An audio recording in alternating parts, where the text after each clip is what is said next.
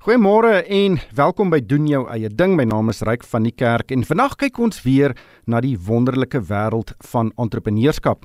Klein en middelslag ondernemings is die lewensbloed van ons ekonomie, maar dit is nie altyd so maklik om 'n besigheid in Suid-Afrika te begin en suksesvol te bedryf nie. Te veel ondernemings misluk in Suid-Afrika en jy skop nie suksesvolle entrepreneurs agter elke bos uit nie. In hierdie program gesels ek met van hierdie suksesvolle entrepreneurs en ons luister na hulle stories oor hoe hulle sukses behaal het en hopelik kan dit voornemende en bestaande entrepreneurs help om 'n paar sake idees te kry en ook hoe om die diepste slaggate van sake doen in Suid-Afrika te vermy. My gas vandag is Monique Hamman. Sy is die eienaar van die Misfit Boxing Studios in Benoni en Glenmarais.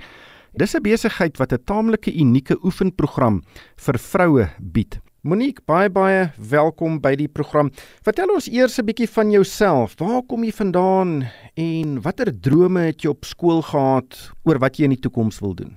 Goeiemôre Ryk. Baie dankie vir die geleentheid om saam met julle op RSG te kan wees vandag. Ek deel graag my lewenservaring en spesifiek nou hoe ek in die Misfit loopbaan ingekom het. Net bietjie agtergrond van my kant af. Dit was glad nie op my vooruitsigte om enigsins eendag my eie besigheid te hê nie, maar soos wat die lewe my rondgegooi het en uitdagings my pad oorkom het, het ek toe nou op die einde besluit dit is waar ek myself gaan bevind, maar kom ons vat 'n stappie terug. Ek het na skool het ek bekom bemarking gaan swat by Tikkies. Ek het ook op 'n snaakse manier in bemarking ingekom. Ek wou eintlik medies gaan swat het dit was maar my droom as 'n klein dogtertjie om eendag 'n dokter te word. Hoe realisties dit nou was, weet ek nie want dit het toe nou nie gebeur nie. My punte was ongelukkig nie goed genoeg om kering te kry vir medies nie. Toe het ek nou maar net half amper kan jy nou maar sê 'n uni mini mini mou gekies en bemarking was toe die ding. Ek het my graad voltooi in 3 jaar en toe het ek my graad met lof geslaag en dit het my toe nou die geleentheid gegee om verder in bemarking te gaan spesialiseer en ek het toe nou my honeurs gedoen. Van daar af is ek direk in die korporatiewe wêreld ingegooi. Ek het begin by 'n maatskappy met die naam van AVI, meer bekend as die maatskappy wat bykerskoekies en Frisco koffie ensovoorts maak. Ek het nogal 'n baie vinnig groeiende loopbaan daar gehad. Ek het die korporatiewe leertjie geklim soos die man sal sê. Ek het dit baie geniet. Ek het vinnig gegroei. Jy weet jy het elke dag met mense gewerk. Daar was never a dull moment, nuwe uitdagings en soos ek ook toe nou geïdentifiseer deur 'n ander maatskappy. Ek dink meeste mense sal hom ken GSK. Dis 'n farmaseutiese maatskappy. Ek het toe nou daar begin werk op Grandpa ons ou grandpa poeiertjie wat ons almal so graag wil drink vir kopsere. Ek was baie lank die handelsmerkbestuurder vir die produk. En toe is ek van grandpa af oorgeskuif Lucozade toe. Lucozade is toe nou eventually oorgekoop deur 'n Japaneese maatskappy met die naam van Santori. En daar het ek toe nou die pos bekleed van Head of Marketing vir Afrika vir die produk. Ek het dit vreeslik baie geniet. Ek hou daarvan om dinge te doen wat mense help en vir mense die nodige oplossings gee vir dit wat hulle in hulle daaglikse lewe nodig het. En ongelukkig het Santori soos al hierdie groot korporatiewe maatskappye maar hulle uitdagings gooi jou kant toe 'n baie groot restructuring ondergaan. En op daardie stadium van my lewe het my gesinnetjie het gegroei. Ek het toe nou twee klein dogtertjies gehad en ek het besef hierdie korporatiewe pos gaan vir my verskriklik baie uitdagings my kant toe gooi met my babas wat klein is. Jy weet dit is 'n voltydse uitdagende werk, lang ure en ek het toe die geleentheid gehad om te kies of ek wil aanbly op 'n meer sentrale rol en of ek 'n pakket wil neem. En dit was nogal 'n kruispunt in my lewe. Dit was vir my 'n verskriklike moeilike besluit. Dit was vir my onseker en ek het besluit ek vat die pakket en ek het eintlik nie geweet hoe toe from hier nie. En op daai stadium van my lewe het ek by 'n fasiliteit geoefen, 'n CrossFit fasiliteit. En die eienaar van die CrossFit fasiliteit het besluit, hy het in sy elke dag se werke met sy CrossFit lede het hy gesien daar's 'n baie groot behoefte vir vrouens om te fokus op vrouens en om vir hulle die geleentheid te gee om alleen in 'n veilige omgewing te kan oefen en hy het toe begin met die konsep van Misfit. Hy het toe begin franchise en ek het vir hom genader en toe ek my oogies uitvee, toe is ek reg om my eerste misfit te koop. Ek het my geld gebruik wat die maatskappy aan my uitbetaal het. So ek was in die voordelige posisie om die besigheid kontant te koop. Ek het my Misfit Glenmarie in 2019 oopgemaak.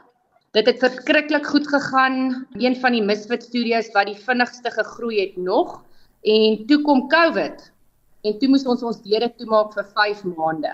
Voor ons by COVID uitkom, ek wil gesels oor daai besluit om jou eie besigheid te begin want dis 'n groot besluit en dis ook 'n groot besluit om 'n koöperatiewe lewe te verlaat. Daar's 'n vaste inkomste elke maand en nou ewe skielik is daardie inkomste nie gewaarborg nie en jy het nou gesê jy wou meer tyd gehad het saam met jou kinders maar as jy jou eie besigheid bestuur is uh, tyd 'n baie baie waardevolle kommoditeit. Vertel ons net weer eens, hoe het jy besluit? Luister, kom ek begin my eie ding en die oorweging miskien gewees om weer die koöperatiewe lewe te betree, miskien in 'n ander rol iewers anders waar die tydstruk nie so groot was nie. Wanneer is nog 'n groot besluit om te neem? Inderdaad, die wêreld van onsekerheid is so groot daar buite en niks is gewaarborg nie. Maar ek het geweet ek as mens hoe ek groot geword het, hoe my ouers my groot gemaak het, dit wat ek op skool geleer het, dit wat ek op universiteit geleer het, ek het geweet daar is 'n vuurtjie in my wat brand en iets wat op my skouer altyd gesit het en vir my gesê het jy gaan lê nie. Jy staan op, jy pak dinge met vasberadenheid aan en oorvloed. Terselfdertyd is ek ook iemand wat nog altyd baie aktief en passievol was oor sport en fiksheid. So ek het geweet as ek hierdie ding betree, gaan ek alles insit en ek het geweet as ek nie alles insit nie, gaan ek alles verloor. So as jy op daai stadium van jou lewe kom waar jy 'n keuse het om terug te gaan na dit wat jy nog altyd gedoen het of om regtig 'n verskil te maak en seker te maak jy kan dinge op so 'n manier vir jou laat werk om 'n gebalanseerde lewe te kan lei. Daai stemmetjie in jou agterkop is altyd daar wat vir jou sê doen jou navorsing, sit alles in, maak ingeligte besluite en as die hele oplossing daar is dan dryf jy dit net vorentoe met alles wat jy het. Dit was my tipe van mindset gewees, Ryk. Ek het net gesê dis nou of nooit. Dis 'n baie interessante besluit en ek dink die geskiedenis sê dit was 'n baie suksesvolle besluit. Het jy baie geweet van die fiksheidsbedryf en ook die bestuur van 'n onderneming? Toe jy daai besluit geneem het want baie mense sal vir jou sê jy moet regtig 'n bedryf baie goed ken om 'n suksesvolle besigheid daarin staan te maak want as jy nie weet wat jy doen in 'n sekere bedryf wat baie baie unieke uitdagings het nie kan jy nie vinnig genoeg leer om seker te maak dat jou inkomste jou uitgawes dek nie. In baie gevalle is dit maar net 'n geldmors omdat jy foute maak wat jy andersins nie sou gemaak het as jy geweet het wat in die bedryf aangaan nie. Ek, sal nie sê ek was 'n absolute kenner in die fiksheidsindustrie nie. Ek het definitief 'n passie daarvoor gehad, so ek moes baie vinnig leer. Ek moes baie vinnig weet wat die basiese besigheidsreëls is en doelwitte wat jy vir jouself moet stel. Ek het ook darm 'n netwerk gehad van mense op wie se knoppies ek kon druk. Die stigter van Misfit het ook 'n baie groot rol gespeel in terme van ondersteuning, in terme van opleiding, in terme van die gereedskap wat jy nodig het. So ek het alles tot my beskikking gehad in terme van kennis, die hele kan jy maar sê oplossing wat daarmee gepaard gaan. So dit was alles in my hande, right? Ek moes vinnig leer. Ek moes die wilskrag en die kommitment en die dryfkrag hê om dit net te maak werk. So ek het myself geleer, ek het gevra, ek het deelgeneem. Die ander groot ding wat regtig in my guns getel het toe ek die besigheid oopgemaak het, ek was elke dag daar en ek het saam met die vrouens geoefen. Ek was deel van hulle omgewing. En ek dink vir enige ander klein besigheidseienaar is dit verskriklik belangrik om te weet jy moet altyd die vinger op die pols hê. Jy kan dit nie bestuur van 'n distansie af nie. Jy kan nie elke tweede dag gou-gou daar gaan inloer en staat maak op ander mense wat dinge vir jou doen nie. Jy moet 100% saam met almal in die ding en wees. Jy moet die goeie ervaar, jy moet die slegte ervaar. En dit is so 'n mens leer uit jou foute uit, jy leer uit die goeie uit, jy leer uit die slegte uit en alles wat jy vorentoe doen is 'n mengelmoes van experience van wat om te doen en wat om nie te doen nie. Vertel ons van Misfit, dit is soos ek dit verstaan 'n taamlike nis oefen gimnasium en dis net op vroue gemik. So vertel ons net vinnig presies wat doen julle daar en wat is julle kernbesigheid? So ons kernbesigheid is hy kan jy maar sê strek oor twee aspekte jou fisiese en jou emosionele. So as ons nou uit die fisiese oogpunt uit praat, ja, heel eerste, dit is net vir vrouens. Dit maak nie saak hoe oud, hoe fiks, hoe onfiks, hoe groot, hoe klein jy is nie. Jy kom soontoe om jou fiksheidsdoelwitte te bereik.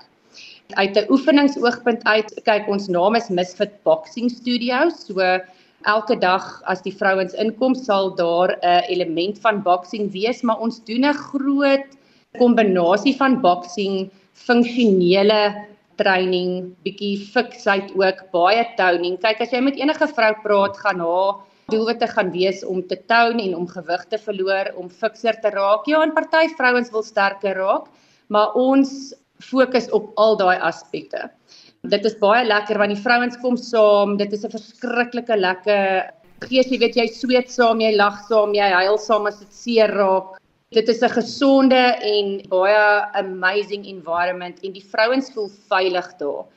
Ek het nou-nou gesê emosioneel ook. Jy sal nie glo hoe baie vrouens doen dit om van frustrasies ontslae te raak nie. Dit is daai vroutjie se uurtjie van ontsnap van die wêreld daar buite die druk van die werk, die druk van die huishouding. Sy kom in vir haar uur, sy boks haar frustrasies uit, sy oefen dit uit en as sy daar uitstap, jy voel regtig soos 'n nuwe mens. Ek gesels met Monique Hamman. Sy is die eienaar van Misfit Boxing Studio. Sy twee takke, een in Benoni en een in Glen Marais. Ek wil 'n bietjie stil staan oor jou teikenmark want dit is net vroue wat jy daar toelaat. Jy het nou gereeld gepraat oor 'n veilige omgewing maar aan die ander kant halveer jy jou potensiële teikenmark as jy byvoorbeeld ook mans sou toelaat. Hoekom net vroue en wat is die rede daarvoor? As jy teruggaan na die navorsing in terme van hoe Misfit ontstaan het in die CrossFit arena was daar 9 ure in die oggende 'n klas wat genoem was die Yummy Mummy klas. En ons het gesien Daar is verskriklik baie aanvraag vir hom. Die klasse was altyd vol geboek. Almal het nie altyd plek gekry nie. Soos wat jy nou maar jou navorsing doen, kom jy ook agter daar is baie vrouens wat nie in 'n konvensionele gimnasium wil gaan oefen nie, want hulle voel dit is nie 'n plek vir hulle nie. Hulle weet nie wat om te doen nie. Daar's mans wat vir hulle loer. Jy weet, hulle het nie die kennis hoe om die gereedskap te gebruik nie. En ons het maar al daai insigte geneem en dit is hoe ons die oplossing bymekaar gesit het oor hoe misfit gaan werk. En ja, dit is 'n nismark. Dit is definitief 'n nismark, maar dit is dit waarvoor die handelsmerk staan basies baseer. Dit was nooit uitgeset om 'n verskriklike groot studio te wees nie. Dit was nooit uitgeset om 'n groot gimnasium te wees nie. Ons wil die fokus gehou het. Ons wil altyd vir die vrouens se omgewing skep waar hulle veilig voel en waar daar nie te veel dinge aangaan op een slag nie. Jy het 'n konsessie gekies of die franchise is die eintlik die naam in die volksmond. Maar het jy ooit dit oorweeg om jou eie besigheid onder jou eie naam of jou eie handelsmerk te doen of het jy gedink 'n konsessie is die regte roete om te volg want albei het sy voor en nadele? Ja, definitief, dis absoluut wat jy daar sê, daar is voor en nadele. Ek het ek moet eerlikwaar vir jou sê ek dink omdat ek daai verskriklike groot besluit moes neem om uit die korporatiewe wêreld waar alles daar was. Jy weet soos jy gesê het, daai salaris op die 25ste van elke maand was jou geldjies in jou bankrekening en ek dink die oorweging om iets heeltemal op my eie te doen was op daai stadium van die geveg net vir my te groot van 'n risiko en daarom het ek besluit ek gaan fokus en ek gaan my navorsing in die franchise wêreld doen. Ek het na ander franchises en opsies gekyk, maar ek dink hierdie enetjie het my hartsnare getokkel en dit was iets waarmee ek gemaklik gevoel het en dit is iets wat ek gevoel het ek kan 'n verskil gaan maak daar buite vir elke ander vrou wat sou wou deel wees van die misfit gemeenskap. tokkel wanneer laas het ek daardie woord gehoor, een van die mooi Afrikaanse woorde. Maar kyk, ek is seker jou besigheid is totaal en al afhanklik van kliënte wat langtermyn tipe van kontrakte sluit en gereeld kom, so jy moet hulle gelukkig hou. Was dit 'n leerkurwe om die produk so aan te pas dat jy sien dat mense 'n lang tyd by jou bly en dat jou aantal kliënte groei? Ja, kyk uit 'n besigheidsoogpunt uit is dit een van my grootste besigheidsdoelwitte is die retensie van my dames. Ons het begin met kontraktuele pakkette. So met ander woorde, jy kan aansluit. Die kortste termyn was 6 maande en dan die langste termyn was 16 maande. So obviously, hoe langer jou termyn, hoe goedkoper jou maandelikse paaiement. So baie belangrik is die mark verander ryk en soos ons almal weet, die ekonomiese toestande daar buite heidaglik maak dit vir mense baie moeilik om enigsins nog te oorweeg dat jy weet om deel te wees van enige gimnasium moet deel wees van jou beplande begroting. Jy weet soos die Engelsman sê if the going gets tough, dan begin mense hulle luxury stokperdjies sny. En ons het gesien dat die lidmaatskap en vroutjies wat regtig onder finansiële druk het, kanselleer hulle kontrakte ongelukkig en daar was geen ander rede behalwe die finansiële druk van buite af nie. En dit is baie belangrik. Mens moet altyd die mark dophou en jy moet weet wat aangaan en jy moet weet waartoe jou teikenmark in staat is. En toe het ons begin om meer korttermynpakkette in te bring en ons sien dat dit regtig goed werk vir die besigheid. So as iemand nou net 'n beperkte aantal geld het, dan kan ons ietsie vir daai persoon uitwerk en sê reg. So dit is jou begroting vir jou fiksheids aspek in jou lewe, kom ons maak dit werk. Ons wil nooit 'n limiet hê vir enige vrou. Ons wil nie hê mense moet nie by ons oefen omdat daar finansiële druk is nie. Jy moet om daai uitdagings in die lewe moet jy kan werk. Jy moet aanpasbaar wees.